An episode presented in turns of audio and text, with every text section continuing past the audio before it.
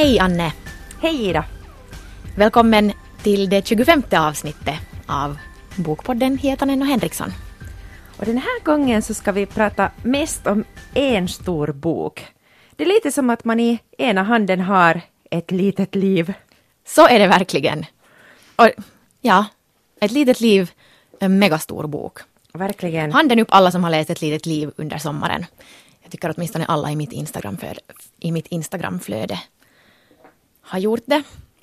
Och faktiskt på Instagram om man googlar med hashtaggen Hania Yanagihara eller ett litet liv så folk har ju tatuerat halva sidor på sig. Och Va?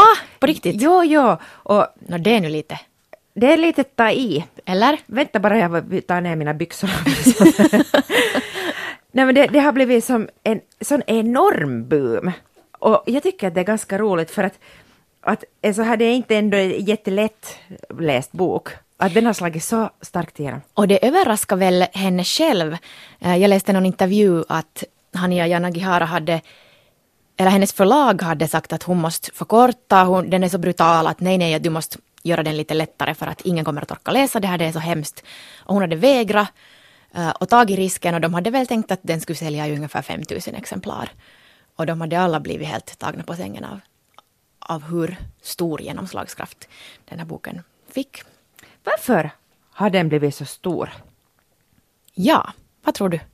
Den går så djupt in i människosjälens skrymslen, vilket nog många böcker gör, men den gör det så, den gör det så många gånger med så vild frenesi att den är på något sätt som en den är galen den här boken. Den är liksom, det, det är ett sjukt projekt och det är också säkert något som är så väldigt äkta i den.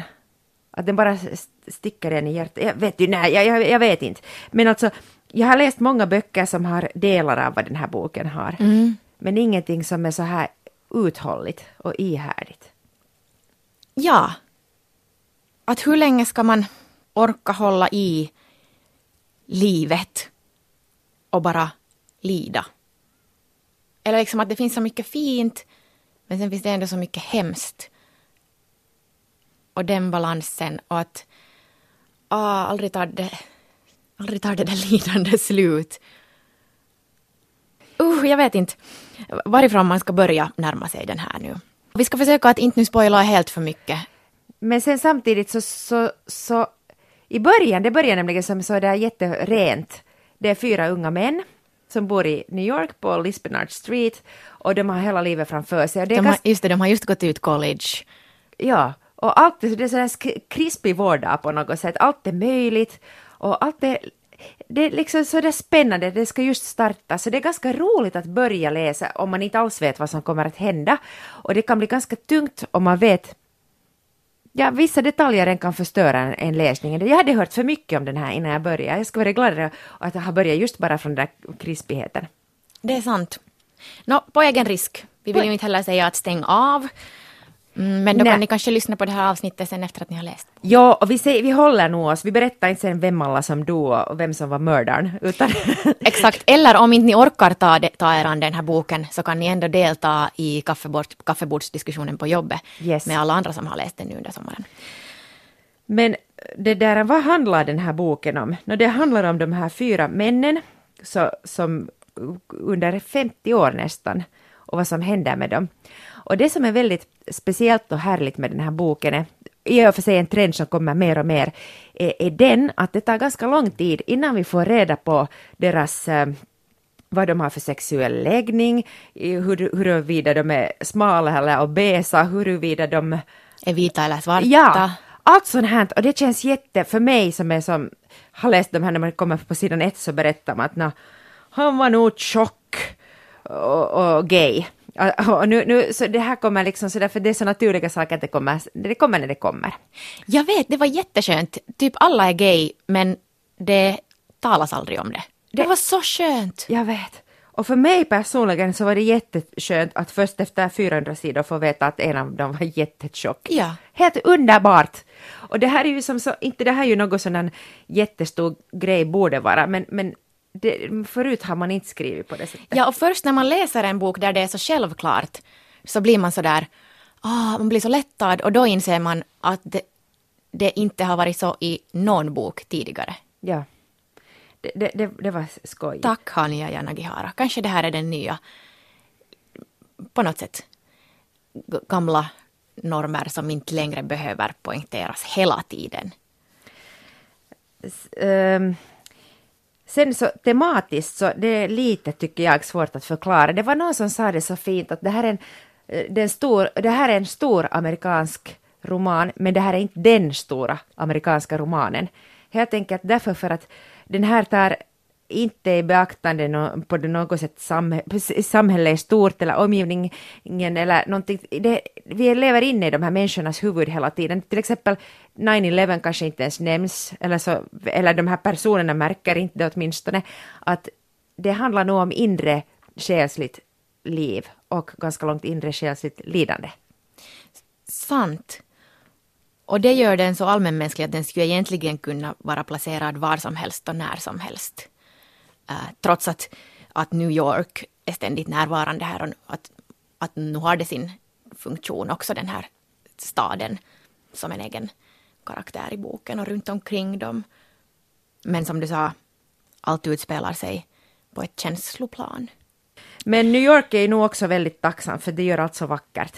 Så också är det. det är en höstdag i New York och löven faller lite sådär poetiskt och de promenerar där längs med avenyerna och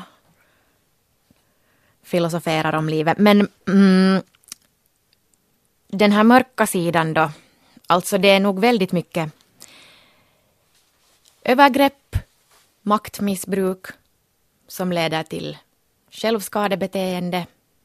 Mm, väldigt, väldigt tunga ämnen. Vad är det som gör att man orkar läsa i 800 sidor? Vad är den där motorn?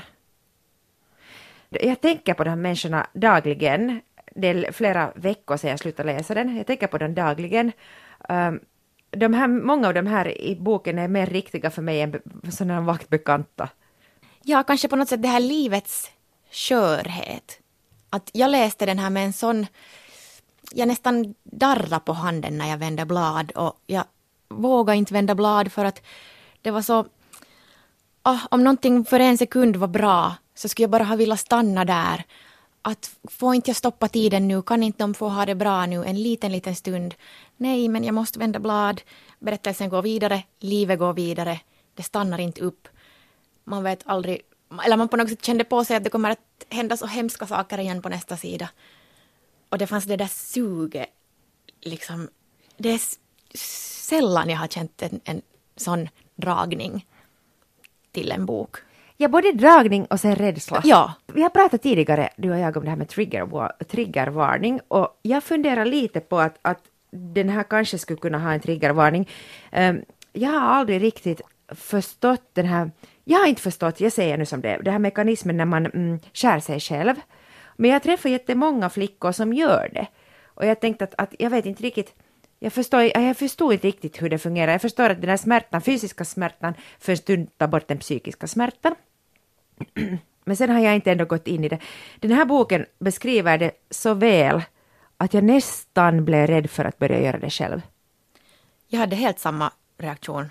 För första gången förstod jag vad, varför man skär sig själv som ett sätt att dämpa ångesten. Och att det är ju samma sak som i vad som helst för, mm, om man nu kan kalla det beroende. Att för mig var det att äh, på något sätt reglera eller mixtra med maten. Och att det gjorde att jag kände mig i kontroll över mitt eget liv. Att det är ju exakt samma mekanism som att på något sätt för en sekund kan du kontrollera alla dina känslor och samla dem på ett ställe via den här fysiska handlingen. Ja. Man måste ju nästan ha ett, eller liksom fundera att, att har hon, Jana Gihara själv, äh, erfarenheter av det här? Eller det är ju egentligen irrelevant, men att man nästan tänker att man måste ha den här erfarenheten för att kunna beskriva det så noggrant. Ja. Och det, det är helt ointressant vad, vad hon nu egentligen har haft för bakgrund, men, men man kan ju fundera på det där att, att, att hur man lyckas, det är ju så på något sätt väl beskrivet det där, den där inre ångesten som, och hur den tar form i det här. Jag har aldrig läst en bok som går så djupt in i det där det mörkaste av ett psyke, av, av ångest och psyke. Alltså, och jag, jag förstår inte hur man kan komma så djupt ner och ännu få ord för det. Ja. Och jag tror att, okej okay, säkert är det många som har kunnat gjort det, men att när hon dyker dit om och om och om igen och den där upprepningen som gör det till något alldeles exceptionellt. Alltså det, det gör det så starkt. Nu är det ju det. Och att ja, min första reaktion när jag läste klart den här var att den var ungefär 300 sidor för lång. Efter just, eftersom det här lidande aldrig tar slut. Och att jag på något sätt tappar intresse där mot slutet. Det kommer en slags, mm, kanske man kan kalla det för vändpunkt. Och efter det så bara föll mitt mod totalt. Och bara, hur, hur ska jag orka läsa? Men ändå kämpade jag mig igenom den. Och det kändes övermäktigt. Men jag gjorde det ändå. Och sen var det någon som, som sa att men kanske det är just det som är det geniala. Att man tvingas liksom uthärda. Att om den skulle ha tagit slut då lite tidigare så skulle det ju bara ha varit en slags social pornografi. Men att det här är just den där upprepningen och det är ju så som det är i det verkliga livet. Att man tvingas uthärda om inte man ger upp mitt i. Jag, ty jag tyckte också att den var lite för lång faktiskt. Men samtidigt, inte, inte är det så att jag skulle ha velat ändra någonting. Du berättade här tidigare om att förläggaren ville ha bort vissa våldsskildringar och att äh, Janagi har kämpat och kämpat kämpat för att hålla dem. Och jag skulle också inte vilja läsa alla de där våldsskildringarna, men nu skulle de ju fan vara där. Nu ska ju det vara där. Och det är också så att man vet att det kommer att komma våldsskildringar för att hon planterar dem redan dit lite ganska i början. Så att man hela tiden går och väntar på att när ska, det, när ska vi få veta då vad det är som har hänt. Jo, hon planterar både framåt, så, som gör att man blir livrädd på grund av den anledningen. Sen också så hänvisar hon till gamla händelser och minnen som, som man inte ännu vet. Men Just man det. vet att man kanske får veta dem och man vet att man inte riktigt kommer att kunna orka veta vad det var. Och man vet, äh, det, det portioneras ut så där som små äh, som slag i fejset på en när man inte riktigt anar det så kanske det kommer. Man vet inte riktigt när de här sakerna kommer. Och där gör hon ju så att man förstår, för det, de här, den här personens vänner har samma reaktion, att de vet att någonting har hänt men de orkar inte riktigt ta reda på vad det nu är. För att allt är ju bra just nu i stunden. Eh, så hon gör det nog jätteskickligt att, att hon sätter oss i samma situation som läsare. Blev du provocerad av det här? Nej. Borde jag ha blivit. Nej, men jag tänker nu på de här karaktärerna så, så jag hade svårt att stå ut med, med en karaktärs det där en hemlighetsmakeri. det är ju jättesmart, alltså det är ju bara, ja. Jag tyckte det var fint. Och sen så funderar jag, vad är sensmoralen nu med den här boken och, vad lärde man sig? Så, så jag vet inte. Det, det, det vad jag lärde mig på nytt är väl det att man kan inte rädda någon som inte vill bli räddad. Det är nog jättefint sagt. Eller hemskt. Hemskt. hemskt. Men så är det ju. Jag får ofta äh, mail eller meddelanden av folk som har någon bekant med en ätstörning och de som frågar att att vad kan, man, vad, vad kan jag göra? Hur kan jag hjälpa till? Och jag vet aldrig riktigt vad jag ska säga. Att kanske... Men, men igen, när jag läste den här boken som alltså stämmer in säkert på vad som helst för psykiska problem. Att, att bara det där att på något sätt göra den där personen medveten om att man finns här. Att det är egentligen det enda och sen så kanske det inte hjälper det heller. Nej. Vet du vad jag tror att är det stora, det litterära i det här verket? Caroline Ringskog Ferrada-Noli, eh, alltså författare och dramatiker, sa att, eller hon pratade om Knausgård och Tolstoj och hade någon sån här spaning om att ehm, eftersom de skriver så långrandigt och på något sätt beskriver allting så blir det som att fiktionen blir som verklighet. Istället för att oftast är det ju tvärtom att, att verkligheten görs om till någon slags fiktion. Men här blir det liksom att fiktionen görs om till en slags verklighet. Och det tänkte jag på att kanske Janagihara också har den förmågan. Att man glömmer liksom att det är Fiktion. fiktion. Man kunde ändå ha haft så att det där att när man håller i den här så är det så vassa kanter att man skär sig. och kniv.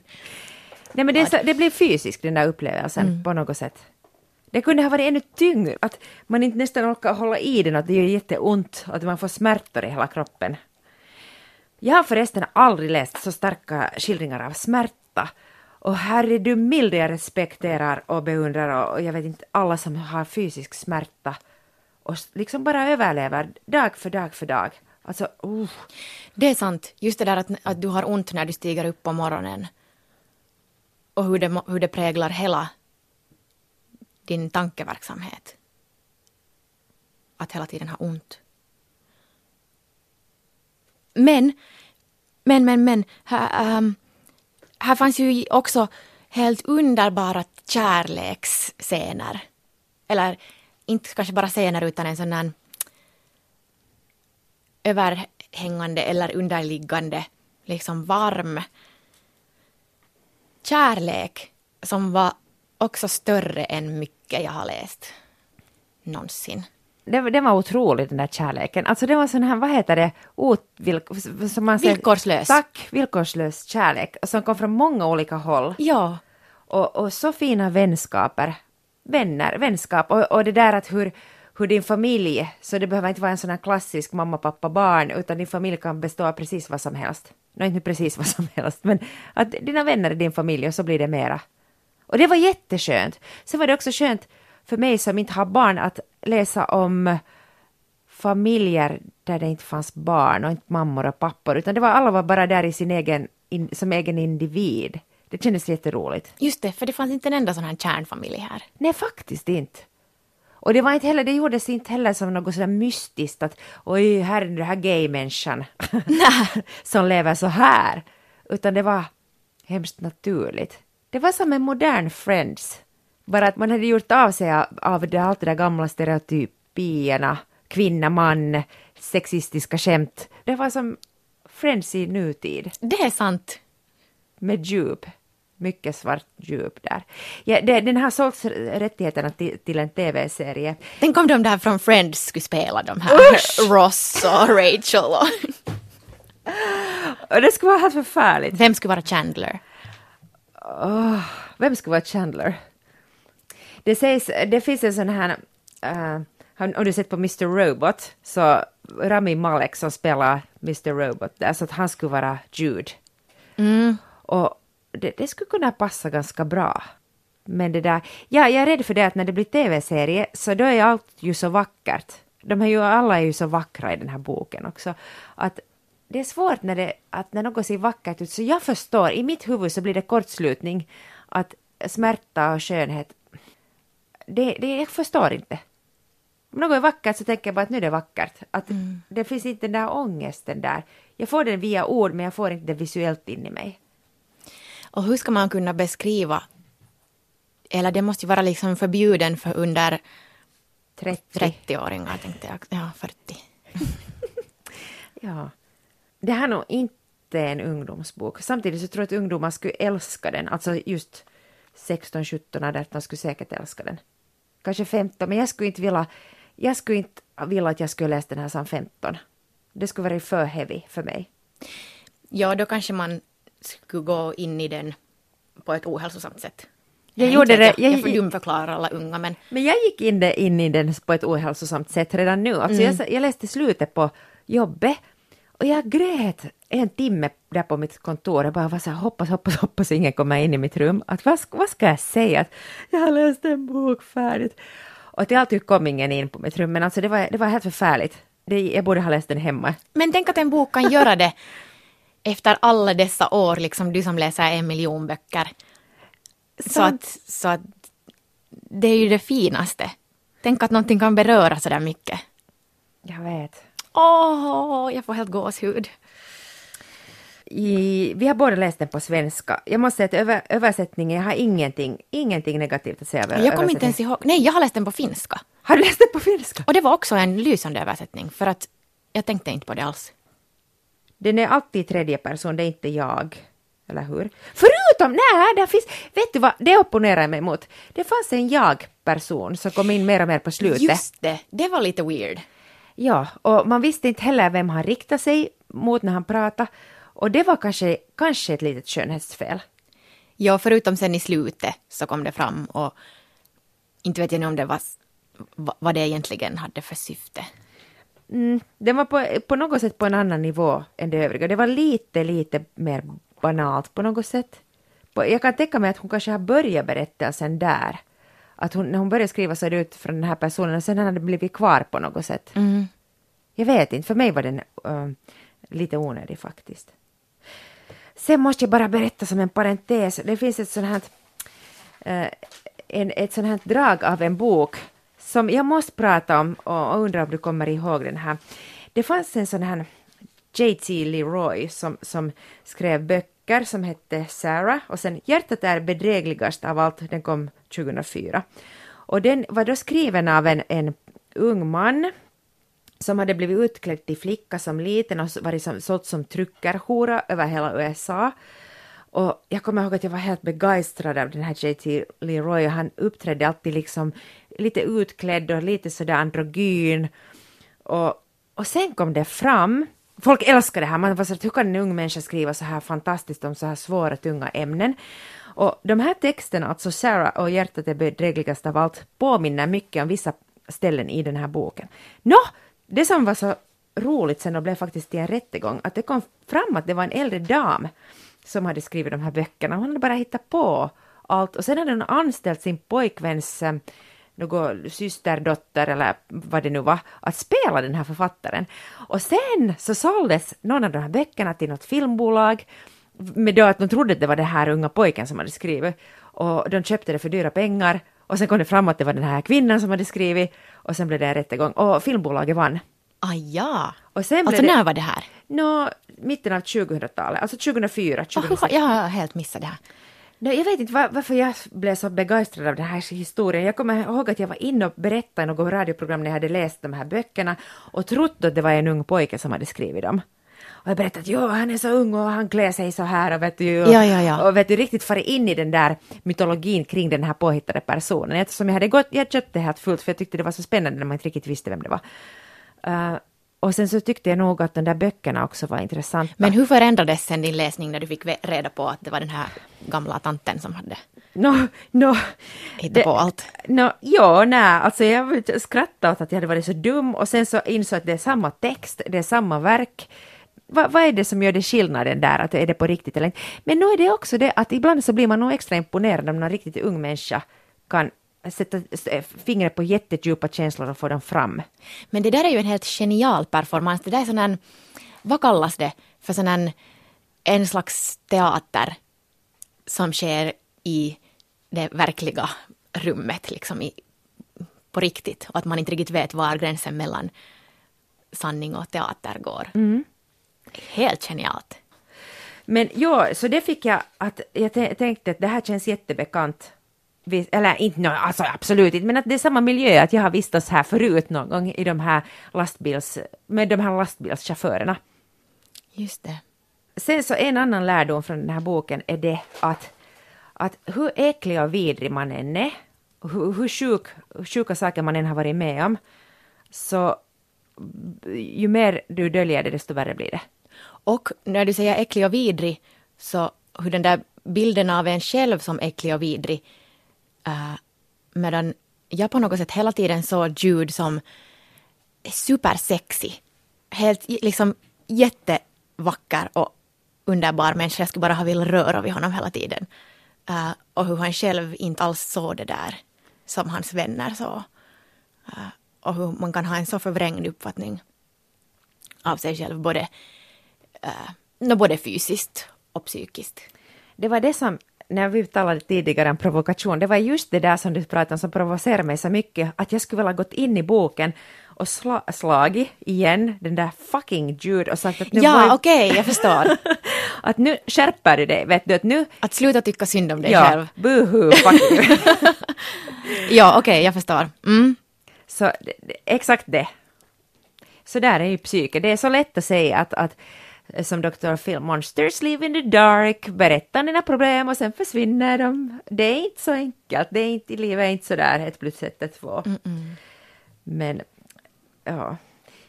Jag vet inte vem jag skulle ge den här boken åt, därför för att det är också no, litteraturälskare förstås, men samtidigt så, så är det också som att ge liksom lite illamående åt någon. Eller är det inte det?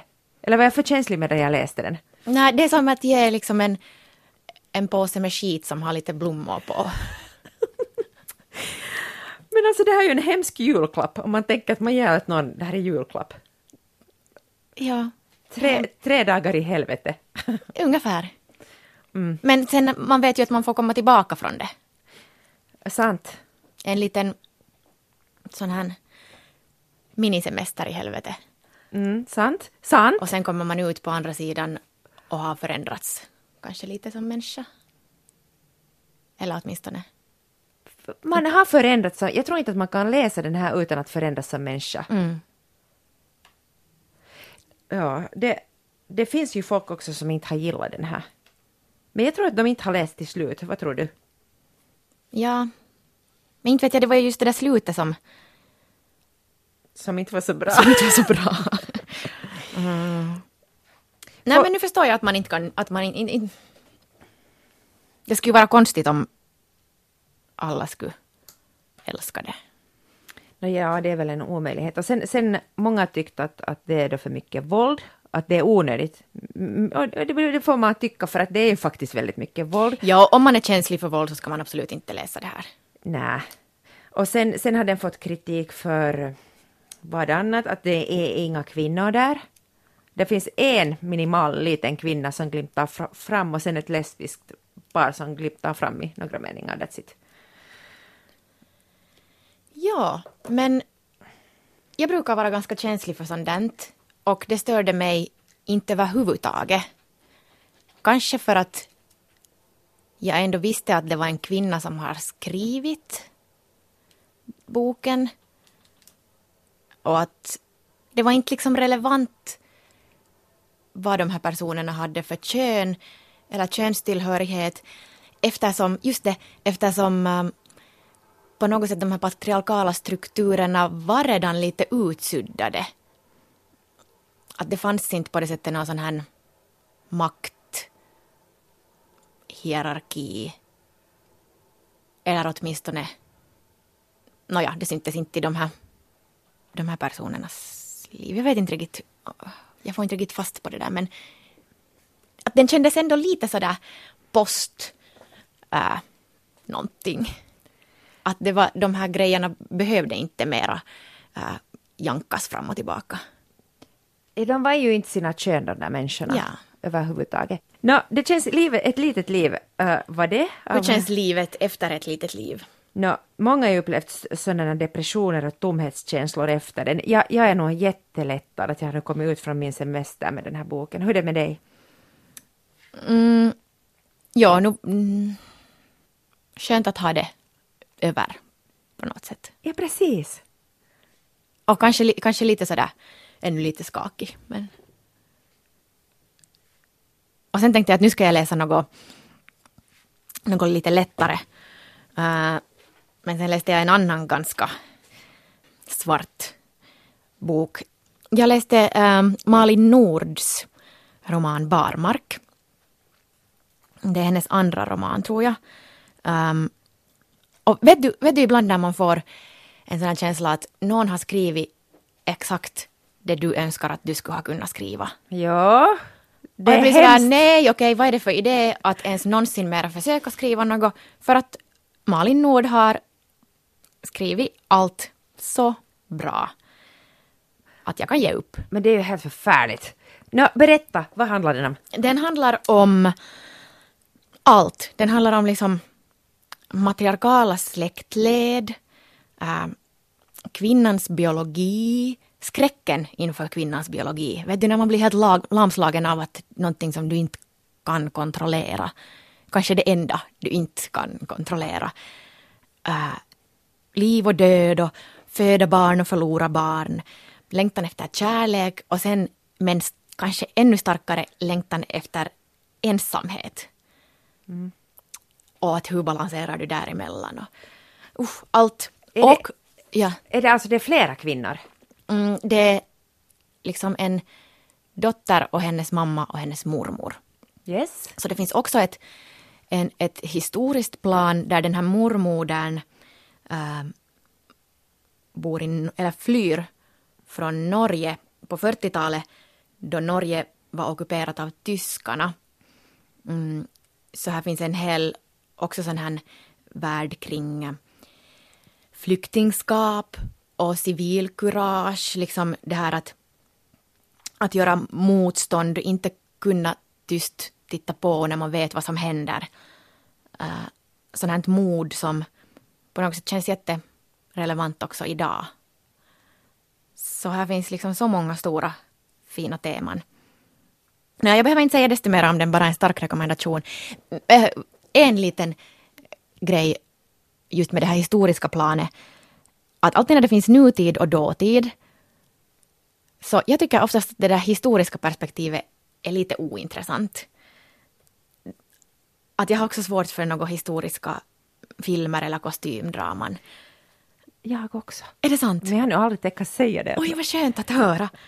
Och sen när det finns i en bok att det hoppar mellan två tidsperspektiv, så jag är i det där nuet och jag tycker det är det, eller ofta, det stämmer förstås inte alltid men och sen känns det att den där historiska sidan finns där bara lite som utfyllnad eller lite vet du, pretentiöst för att skapa någon slags djup. Och sen bara väntar jag att nej, när är de här, jag bara bläddrar framåt, att när är det här slutet att jag vill komma tillbaka till det där som jag egentligen är intresserad av. Men jag har precis samma sak. Är det sant? Ja, men ja, det var så jätteskönt att höra för jag känner mig alltid lite så dum för att det där historiska, allt det där tunga. Ja, eller hur? Ja.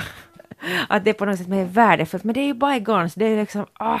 Ja, och sen stannar det alltid upp den där liksom huvudstoryn. Ja. No, men, Ett nödvändigt ont. Men det är min enda invändning mot barmark. Intressant. Men jag tror att jag, i mitt fragila känslostillstånd som jag är just nu, kanske inte ska ta mig an den. Nej, jag skulle kanske inte ge den här åt dig just nu. Det, ja. Du behöver nu något lite Lätt. verklighetsflykt. Ja, vet du det är samma med Johanna Holmströms uh, Själarnas ö, så jag vet att jag skulle älska den, men jag vågar inte öppna den nu. Jag har fått den, jag har inte heller öppnat den ännu, men den är jättevacker. Jag intervjuade henne inför då när hon höll på att skriva den här boken om, om alltså det här mentalsjukhuset på Själö och de här kvinnorna som förpassades dit och, och den, liksom, det här hela mytomspunna kvinnliga hysterin och galenskapen. Så mm. det är nog ett tema som intresserar mig jättemycket. Jag tänkte att det här kanske är lite, lite samma genre. Ja, möjligen. Svårt att säga nu utan att ha ännu läst Johanna Holmströms. Men på tal om det där verklighetsflykt så det är ju nog så att uh, det som, som tröstar mig mycket är det där Family Guy. yes. som jag älskar. Och sen så skulle jag vilja bara berätta om en ny tv-serie serie som jag tycker är väldigt, väldigt intressant som går på HBO som är gjord av bröderna Duplass och de är så här independent eh, movie makers. Är de lite som bröderna Karamazov? De, de är så, för de är ännu coolare. Och de gör i en genre, arbetar i en genre som kallas för mumblecore. Mumblecore det finns en, en subgenre som heter mumblegore, som de också rör sig emellan. Och det mumblecore är helt enkelt att det är folk som pratar mycket, tänk lite Woody Allen, och det är mycket så här naturalistiska skildringar och det är uh, improvisation en hel del och uh, ja, låg budget. Det, det är ungefär det vad de sysslar med. Och den här tv-serien går ut på det att det är fristående avsnitt. Varje avsnitt är i ett hotellrum. De går aldrig utanför det hotellrummet. Och de här bröderna har sådana här regler åt sig själva då att allt måste alltid spelas in inom loppet av tre dygn. Att man får inte hålla på och drischa mer, att om inte det är färdigt så, så boy nej, buhu. Och sen att man inte får öppna dörren till man får öppna dörren till omvärlden men omvärlden får inte synas. Och, eh, och sen har de bara äh, frika runt och experimentera. Vissa avsnitt är väldigt dåliga, vissa avsnitt är helt briljanta. Och jag tycker om det där att, att den här serien är så pass um, modig, att man vågar experimentera och titta, att blir det här bra eller inte? Och jag tycker om de där också misslyckandena. Att det, de flesta serier som, som är populära, tv-serier, är ändå sådär ganska mycket, du vet vad du får. Du vet, det är därför vi älskar dem. Ja, och väldigt slipade och... Mm. Och, och, och, och, så här, men den här är sådär, du har ingen aning om vad du får. Att ett avsnitt kan vara skräck, ett annat kan vara humor, en tredje kan vara bara vet du, blaj. och, och det, avgräns, det påminner hemskt mycket nog om teater och novellskrivan, noveller och, och sånt. Att jag, man säga att jag gillar det här experimentella. Okej, okay. för att till exempel i Finland så har man ju haft en tradition av att äh, göra sådana humor humorserier som man inte mera kan göra eftersom det inte finns äh, Alltså ingen har råd att experimentera längre. För att det finns inte helt enkelt pengar för det. Men hur är det, är det här liksom på riktigt gjort sådär låg budget? Ja, det känns nog väldigt billigt. Okej. Okay. Fast okay, de har nog, de har nog skådisar som har... Nej, det är nog låg budget. Men och inte vet jag om det är så briljant alls, men det är något som att det öppnar dörren till en möjlighet. Det, och, och sen så, det är också något med hotellrum som är så jättekittlande. Alltså, det är briljant i det som är roman också bara. Att det är ett hotellrum och så beskriver man alla människor som passerar i det där rummet. Och människan är på något sätt i ett mycket intressant tillstånd när den är inte hemma hos sig själv utan den är i ett motellrum eller hotellrum. Den är, vart är den på väg? Vart har den varit? Jag älskar den där själva situationen av flyktighet. Jo, jo, det är lite som flygfält och hotellrum. Ja. Är sådana perfekta ställen där vad som helst kan utspela sig. Och det är alltid lite bättre på film. Därför för att sen när man själv är på det här hotellrummet så ser man bara, så, så det, det, är aldrig lika spännande som man tänkte att det skulle vara när man är på hotellrummet. det, är sant, det är alltid lite sjaskigt. Och... ja och man, man själv är inte så spännande. Nej, så är man där med sig själv, jahas, tänker man, och så knäpper man på TV och ser på någon urheiluruutu. så var det där. Äh, men alltså vad sa du, vad hette den här serien? Room number 104. Fyra. 104. Room 104, room på HBO. Tack för tipset. Jag är helt splitternig. Det ska jag börja med ikväll. Tack för idag. Hör gärna av er ifall ni har någonting på hjärta, till exempel via Instagram till Ida Henriksson eller Annie Hietanen eller e-post. Eller vem ni vill tänkte jag säga. ni, ni, kan kontakta vem ni vill. Uh, ni kan också kontakta vår producent. Hon heter Kia Svetihin och det är Henrik Heselius som har gjort vår jingel. Och det är det ungefär. Inte har vi så mycket mer att säga. Nej, jag hoppas vi hörs igen nästa vecka. Ha det så bra, sköt om er. Hej då.